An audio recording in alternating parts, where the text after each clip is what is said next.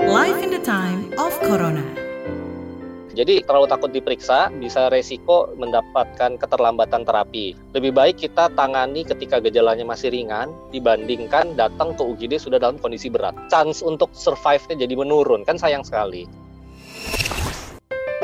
Halo, kembali lagi Anda mendengarkan podcast Live in the Time of Corona bersama saya Indra Saputra, di mana podcast ini akan membantu kamu menavigasi hidup bersama di masa pandemi COVID-19 ini. Nah, di masa pandemi COVID-19 ini kan banyak banget kecemasan yang kita alami gitu ya. Kayak kita bahkan belum sempat ngetes PCR dan lain-lain, tapi banyak pertanyaan yang muncul dalam diri kita sendiri kayak sebetulnya saya ini kena COVID atau enggak sih? Apalagi kan sekarang juga banyak orang-orang yang positif atau reaktif tapi tanpa gejala. Nah, secara umum nama-nama tes COVID ini sering banget kita dengar ada rapid test, ada swab test, PCR test, dan lain-lain juga ya. Dan belakangan ini juga sering banget kita dengar yang namanya antigen test. Makin beragam, makin macam-macam ya bentuk tesnya. Makin bingung juga nih saya. Nah, jadi sebenarnya tes apa sih yang harus kita lakukan dan bagaimana cara kita membaca atau mengetahui hasil tesnya? Di episode kali ini kita bakal obrolin itu semua bersama narasumber yang sudah bergabung lewat Zoom di episode kali ini ada Dr. Reynaldo Alexander. Ini seorang internis atau dokter penyakit dalam dan juga public educator. Halo dokter, selamat bergabung. Halo Mas Indra, selamat siang. Salam sehat, sehat ya. Anyway dok, sebelumnya kan di Indonesia ini ada dua macam tes yang udah umum banget dikenal. Ada rapid test, ada juga swab PCR. Sebenarnya mm -mm. bedanya apa sih dan tingkat akurasinya tuh uh, sampai mana sih? Ya, seperti yang Mas Indra bilang ya, banyak orang cemas ya kalau hmm. misalnya disuruh tes ya. uh, jadi kalau untuk bedanya, kalau swab itu kan sebenarnya pemeriksaan PCR ya. PCR itu dari singkatan polymerase chain reaction ya. Sebenarnya itu adalah pemeriksaan yang mendeteksi langsung ya komponen materi genetik dari virusnya. Nah, jadi ibarat kalau manusia tuh misalnya apa organ yang dianggap pentingnya jantungnya gitu ya. Nah ini hmm. anggap kayak komponen yang paling pentingnya virus lah ya. Karena RNA virus atau materi genetik itu diperlukan oleh si virus untuk dia bisa berkembang biak ketika masuk ke dalam tubuh orang yang dia infeksi ya. Jadi PCR swab test itu langsung mendeteksi ini ada nggak nih materi genetik virusnya? Nah hmm. makanya pemeriksaan PCR atau swab test ini menjadi pemeriksaan utama ya yang membantu kita nih ya para petugas kesehatan dokter khususnya untuk menyatakan seseorang memang terinfeksi sama si virus COVID atau SARS-CoV-2 nama virusnya ya. Sementara kalau rapid test ya rapid test itu memang ya yang dipakai sekarang adalah rapid test untuk memeriksa kekebalan tubuh ya kekebalan tubuh. Jadi e, kalau ngelihat di e, hasil bacaan rapid test itu ada yang macam-macam ya. Sekarang kita ada yang total antibody hmm. ya itu biasanya cuma bacaannya reaktif atau non reaktif saja. Ada juga yang masih pemeriksaan yang dari dulu tuh yang bisa diperiksa sendiri di jari itu hmm. kadang ada orang beli sendiri kitnya ya itu yang disebut dengan e, pemeriksaan IgG sama IgM ya. Nah sebenarnya itu semua antibody. Antibody itu kekebalan tubuh ya.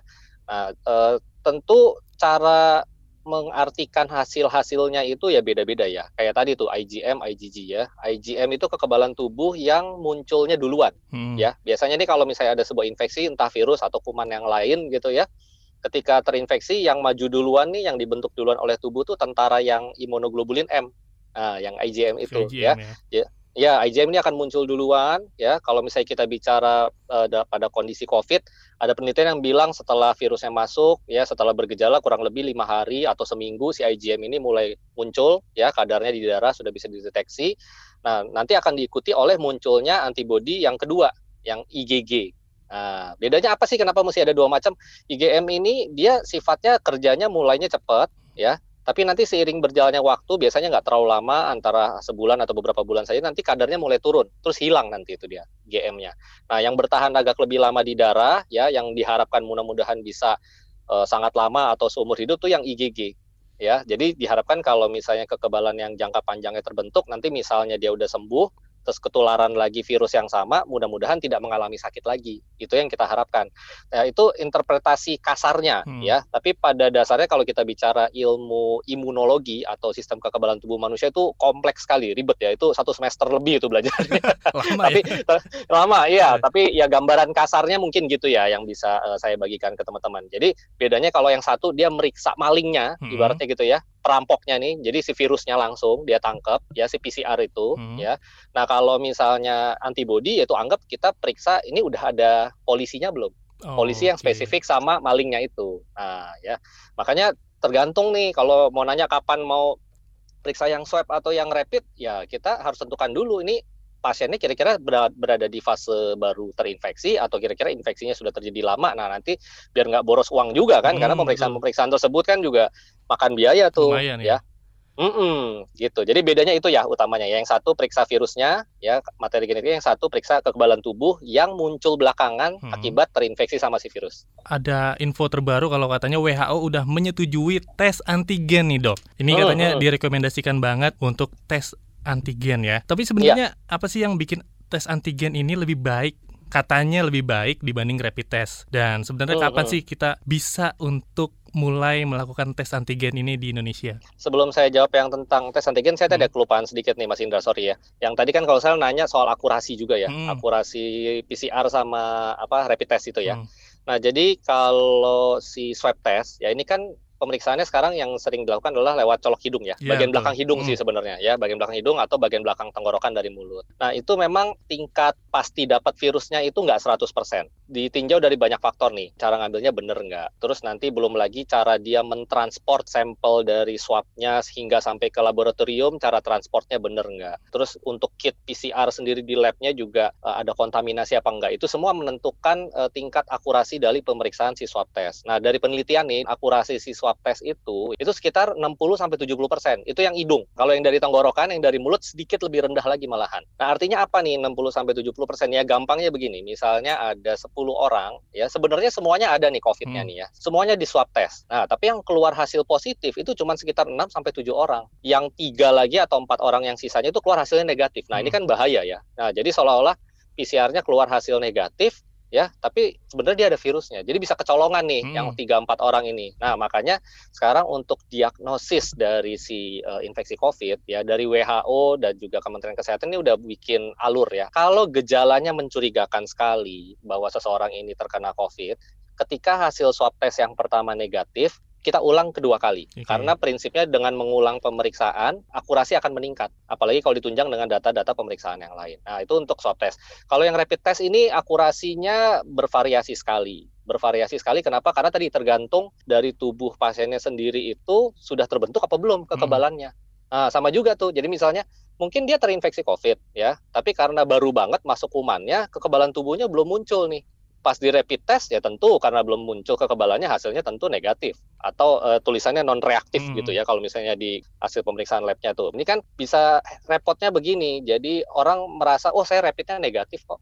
Padahal dia batuk-batuk gitu. Iya, Cuman karena dia merasa pede, ya rapid testnya negatif, dia menganggap saya batuk bukan karena COVID. Padahal belum tentu juga. Bisa jadi sebenarnya COVID, tapi kekebalan tubuhnya belum terbentuk. Makanya nanti kalau baca hasil pemeriksaan rapid test, itu di bagian bawahnya Hmm. akan ada keterangan tuh. Hasil negatif artinya apa? Ya biasanya dia bilang ya kekebalan tubuh mungkin belum terbentuk. Hasil yang yang kedua bisa jadi eh, memang tidak terinfeksi COVID. Nah, Hmm. sarannya kalau rapid test Anda negatif tapi Anda memiliki gejala yang mencurigakan ke arah COVID, diulang juga itu rapid test, kasih waktu 7 sampai 10 hari. Karena tadi rata-rata orang kekebalan tubuh itu muncul ada yang paling cepat lima hari, Hmm. ada yang tujuh hari baru muncul. Makanya dari eh, apa kesepakatan ahli-ahli laboratorium itu bikin ulang rapid test 7 sampai 10 hari.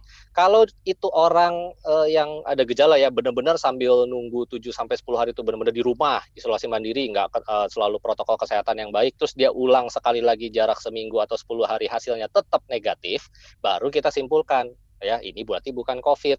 Oke, nah itu ya untuk soal akurasi Hmm. dari swab test sama eh, si rapid test. Kalau untuk tes antigen, tes antigen sebenarnya mirip sama swab test PCR, cuman yang dideteksi agak sedikit beda. Kalau swab test kan eh, yang PCR tuh dua-duanya swab test ya, jadi Iya. dari hidung juga sih Hmm. ngambil yang swab antigen ini. Cuman kalau yang PCR dia kan eh, mendeteksi materi genetik RNA dari virusnya. Kalau misalnya si swab test antigen ini mendeteksi eh, protein yang dihasilkan ketika si virus ini berkembang biak. Nah, tapi konsekuensinya apa ya? eh, si swab test antigen ini kalau mau dipakai itu justru harus di awal-awal penyakit, Mas Indra. Hmm. Ah, jadi eh, kenapa di awal-awal penyakit? Karena ketika seseorang masuk si virus COVID nih, ya, itu di awal-awal dia berkembang biaknya cepat karena belum dibentuk kekebalan tubuhnya kan antibodinya belum belum kebentuk nih polisinya nih. Jadi dia masih bebas berkembang biak. Nah, Hmm. jadi di awal-awal penyakit, misalnya eh, sekitar 2-3 hari setelah virusnya masuk, sampai di awal-awal muncul gejala tuh, ya sekitar lima hari sampai seminggu awal gejala, itu dia lagi aktif berkembang biak tuh, replikasi virusnya. Nah, ketika dia replikasi, dia menghasilkan protein tertentu, protein tersebut yang bisa dideteksi sama si swab test antigen. Hmm. Nah sekarang eh, digaung-gaungkan apakah bisa untuk menggantikan PCR gitu ya. Nah sebenarnya kalau kita ngelihat panduan dari WHO ya eh, sebenarnya untuk alur diagnostik kalau misalnya di tempat-tempat yang bisa melakukan PCR swab test tetap pakainya PCR Mas Indra. Tapi bisa dipakai swab antigen ini untuk daerah-daerah yang misalnya nggak punya laboratorium PCR Hmm. gitu ya. Eh, dan eh, apabila eh, memang butuh hasil yang cepat hasil yang cepat ya. Karena swab test antigen ini hasilnya cepat banget nih hitungannya menit ya. Bisa 20 menit udah keluar hasil. Kalau swab test kan paling cepat satu hari paling lamanya ada yang bisa tiga hari bahkan ada yang lima hari tergantung Iya. dikerjainnya gitu ya.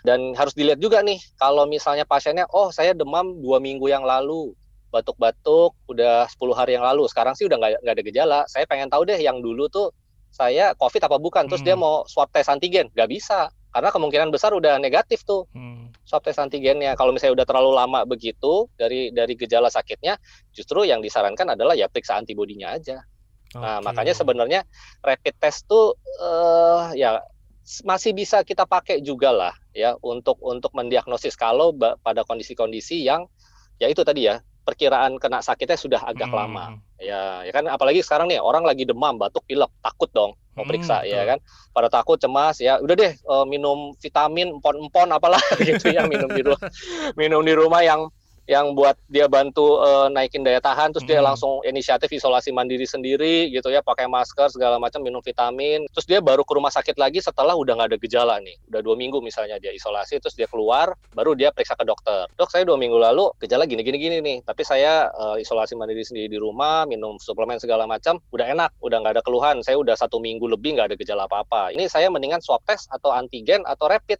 Hmm. Nah, kalau kayak gitu ceritanya, kalau saya nyarankannya ya rapid. Karena kemungkinan virusnya udah nggak dapet kalau misalnya di PCR test atau di swab antigen, Hmm. karena sudah terlalu lama, ya kan? Nah, justru diharapkan kalau misalnya di rapid terbukti ada antibodinya muncul nih, oh pas diperiksa dia gejala dua minggu lalu, IgM-nya atau IgG-nya positif nih, oh Hmm. berarti memang yang dua minggu lalu itu COVID. Oke, Ah. berarti misalnya Ah, misalnya tadi kan dokter bilang kalau emang hasilnya non reaktif, kita cukup eh, rapid ulang aja apa at- atau emang perlukah swab lagi, Dok?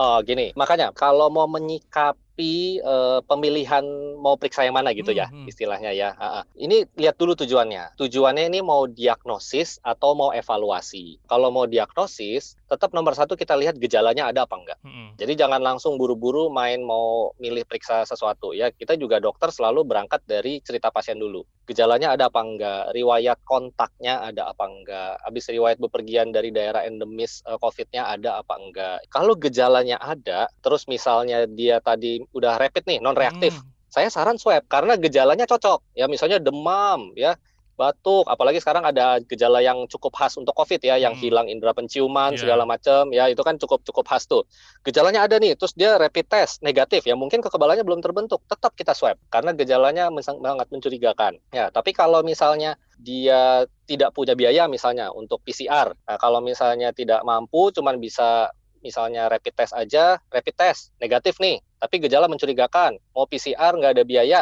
ya udah lakukan protokol isolasi mandiri, ya tetap dikasih obat-obat untuk membantu kesembuhan dengan istilahnya tanda kutip ya masih Mhm. tetap dicurigai COVID karena gejalanya masuk, nanti boleh tuh ulang 7 sampai 10 hari. Kalau yang awalnya negatif terus pas ulangannya positif, rapidnya jadi reaktif gitu, ya udah berarti sebenarnya dia COVID juga. Balik lagi ke Tetap tujuan kita ya. Iya betul. Nah, eh, di episode sebelumnya, Dok, kita Mm. kita juga ngobrol sama orang yang terkena COVID-19 positif Mm-mm. dan eh, dirawat juga dan dia menuliskan cerita-ceritanya di Facebook gitu ya. Sampai akhirnya dia mendapat banyak pesan, dapat DM gitu dari teman-temannya dari lingkungannya juga kalau ternyata banyak banget orang yang masih cemas ataupun takut gitu mau tes. Ini gimana Mhm. dokter menyikapi eh, ketakutan atau kecemasan orang-orang yang masih COVID ini sebenarnya ada atau enggak ada atau mungkin bahkan takut banget sama hal ini. Untuk tes Mhm. aja takut dok. Gimana dokter Baik, menyikapinya baik. dok?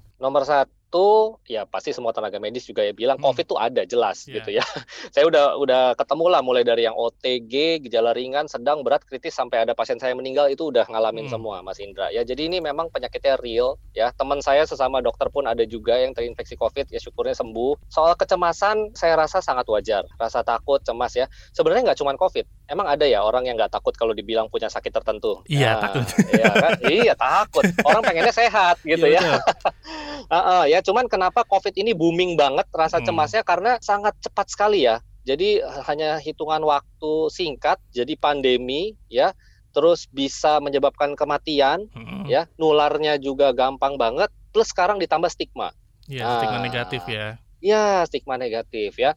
Saya sendiri pun eh, dan teman-teman petugas kesehatan yang lain banyak agak pusing nih ngadepin stigma ini ya. Jadi sebenarnya, nah yang bingung nih sekarang justru pas mau pulangin pasiennya karena Oke. stigma tersebut Eh, RT RW-nya nggak mau terima ya atau misalnya dia bingung kan gara-gara eh, rapid testnya hasil antibodinya positif nggak boleh kerja gitu ya. Jadi Hmm. masih banyak salah paham juga nih gitu ya kan. Padahal kan kalau antibodi positif udah dinyatakan sembuh justru bagus dong. Ya Iya, diharapkan mudah-mudahan dia dia nggak kena lagi gitu Hmm, dan bisa Tapi mengedukasi banyak. lingkungannya juga ya. itu juga yang bikin orang jadi makin takut untuk dibilang dia kena COVID. Yang jadi masalah kalau misalnya memang Anda mengalami gejala yang eh, mencurigakan COVID, terus Anda tidak mau diperiksa, kan berarti ada resiko tidak dapat terapi yang benar satu. Hmm. Karena COVID ini nggak semuanya OTG, bisa saja yang tadinya nggak ada gejala, terus ge- gejalanya makin berat, makin berat sehingga sesak napas, Hmm. ya kan? Masa sesak napas karena cuma takut dites COVID, jadi mendem aja di rumah ya bahaya dong, bisa Iya. meninggal di rumah nanti kalau kurang oksigen. Jadi terlalu takut diperiksa, bisa resiko mendapatkan keterlambatan terapi. Nomor dua, resiko makin nularin. Ini nularnya nih benar-benar kayak kutu loncat nih, ya. jadi gampang sekali ya, makanya jadi ada klaster keluarga, klaster kantor, klaster perusahaan, Hmm. pabrik, ya kan, yang kontak deket, cuman ngobrol-ngobrol aja, ya, eh, maskernya mungkin turun-turun dikit, dan ketika kita menularkan orang lain, kita nggak pernah tahu nih orang yang kita tularin bakal OTG doang atau dia sesak napas sampai meninggal nih. Jadi yang memang kita dituntut untuk pandemi ini nih harus saling peduli lah. E, memang tidak bisa kita fokus ke hanya diri kita saja nih. Kalau ya kita harus mikirkan konsekuensi kalau misalnya kita sakit dan kita tidak melakukan prosedur dan e, tata laksana yang benar. Ya, Hmm. nggak nggak cuma bisa berbahaya buat kita, tapi juga bisa berbahaya buat orang-orang sekitar kita. Ya, pada prinsipnya adalah memang ini perlu edukasi yang kenceng ya, terutama supaya stigmanya nih ya bisa segera hilang dan eh, ya jangan takut ya, karena kalau misalnya amit-amit bener terus malah nggak ketahuan dan jadi parah, malah susah nanti kita Mm. ya. Lebih baik kita tangani ketika gejalanya masih ringan dibandingkan datang ke UGD sudah dalam kondisi berat. Iya, Itu betul. chance untuk survive-nya, chance untuk Hmm. selamatnya jadi menurun. Kan sayang sekali.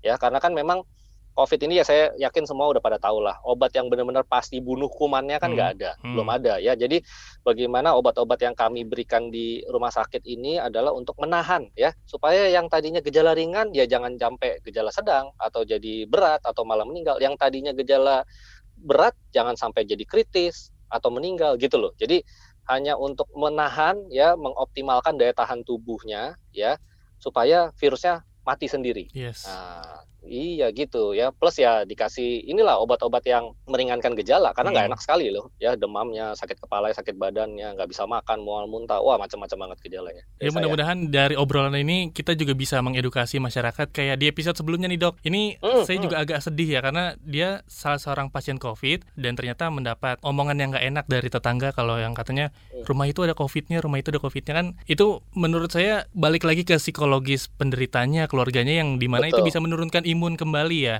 Betul, kita harus justru peduli ya Hmm. dan membantu ya. Karena sebenarnya gini kan diomongin gitu, ya mungkin bisa dimengerti kalau dari sudut pandang orang yang tahu tetangganya COVID ya. Hmm. Mungkin ada cemas ketularan kali ya. Tapi kan sudah terbukti nih kalau misalnya kita melakukan protokol kesehatan yang baik, tidak akan ketularan. Ya, contoh nyatanya ya para dokter yang bertugas. Ya saya misalnya, ya kalau misalnya saya protokolnya nggak benar, saya tiap hari ketemu pasien COVID, pasti dong udah ketularan. Iya pasti. Gitu ya. Apalagi kalau misalnya tetangga ya misalnya ya bantu kasih misalnya sembako atau apa taruh cantolongin di pagar, Hmm. habis itu cuci tangan kan bukan berarti ketemu langsung kan Hmm. sama yang sedang isolasi gitu. Saya rasa sih mestinya nggak ada masalah. Ya memang sangat disayangkan sih. Oke dokter, tapi terakhir nih dok, tiga tips Ya. singkat untuk kita menghadapi pandemi COVID-19 ini dok. Ya, Dan juga untuk Eh, untuk menyiasati eh, ketakutan pengen eh, Hmm. rapid atau pengen swab gitu. Nomor satu supaya nggak takut ya paradigmanya harus dirubah ya. Kalau misalnya kita nggak tes, ya kita akan ketakutan terus. Apalagi kalau mereka yang bergejala. Nah ini ini batuknya apa nih? COVID apa bukan nih? Tapi nggak mau tes gitu kan. Jadi takut Hmm. terus. Tapi nggak ada yang dilakukan ya.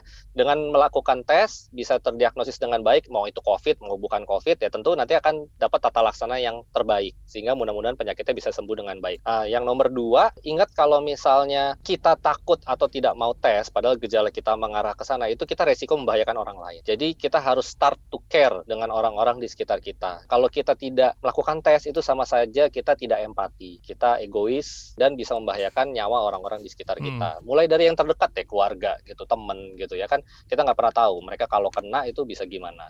Nomor tiga ya supaya tidak takut. Prinsipnya ya percayakanlah sama dokter penyakit apa pun ya, nggak cuma COVID. Kita itu tidak menegakkan diagnosis hanya berdasarkan eh, hasil pemeriksaan satu biji aja. Nah ini kan lagi rame nih ya katanya apa-apa COVID. Sebenarnya nggak gitu juga. Membuat diagnosis COVID ini sekarang susah. Peraturan dari pemerintahnya itu ribet, ngejelimet ya harus cocok semua ya. Gejalanya ada atau tanda radang parunya ada. Terus juga kalau di rumah sakit saya justru malah ada tim lagi sendiri ya. Jadi keputusannya itu diambil oleh harus ada suara mayoritas dari beberapa spesialis gitu ya. Jadi percayalah ya. Justru sebenarnya kami tuh eh, sebisa mungkin menghindari ini mudah-mudahan bukan COVID nih Ya, gitu ya. Karena amin. karena rumah sakit udah pada penuh semua. Jadi percayalah bahwa kalau misalnya disarankan untuk periksa itu nanti sesuai dengan hasil pemeriksaan dokternya. Hmm. Kalau misalnya dari gejalanya oh enggak deh ini enggak enggak ngarah ke COVID, nggak usah periksa. Hmm. Belum tentu Anda ke dokter dengan gejala tertentu pasti langsung disuruh tes COVID. Ya Hmm. belum tentu. Periksa dulu aja. Ya yang pasti dokter akan tetap berusaha objektif sesuai dengan temuan-temuan dari pemeriksaan yang ada. Itu Oke, sih. terima kasih untuk Dr. Reynaldo Alexander waktunya. Terima kasih sharing-sharingnya dok ya. Ya, Terima kasih sama-sama, juga Mas Indra. sudah membantu menyehatkan masyarakat Indonesia. Semoga dokter dan Amin, kita amin. semua selalu diberikan kesehatan ya dok ya. Terima kasih juga untuk Anda yang telah mendengarkan podcast Live in the Time of Corona. Untuk ide dan masukan silakan email kita ke podcast at kbrprime.id. Tulis di bagian subjeknya podcast Corona. Jangan lupa juga untuk mendengarkan podcast yang cocok dengan curious mind Anda di kbrprime.id atau platform mendengarkan podcast lainnya. Follow kita juga di Instagram di @kbr.id. Saya Indra Saputra pamit undur diri. Salam. Life in the time of Corona.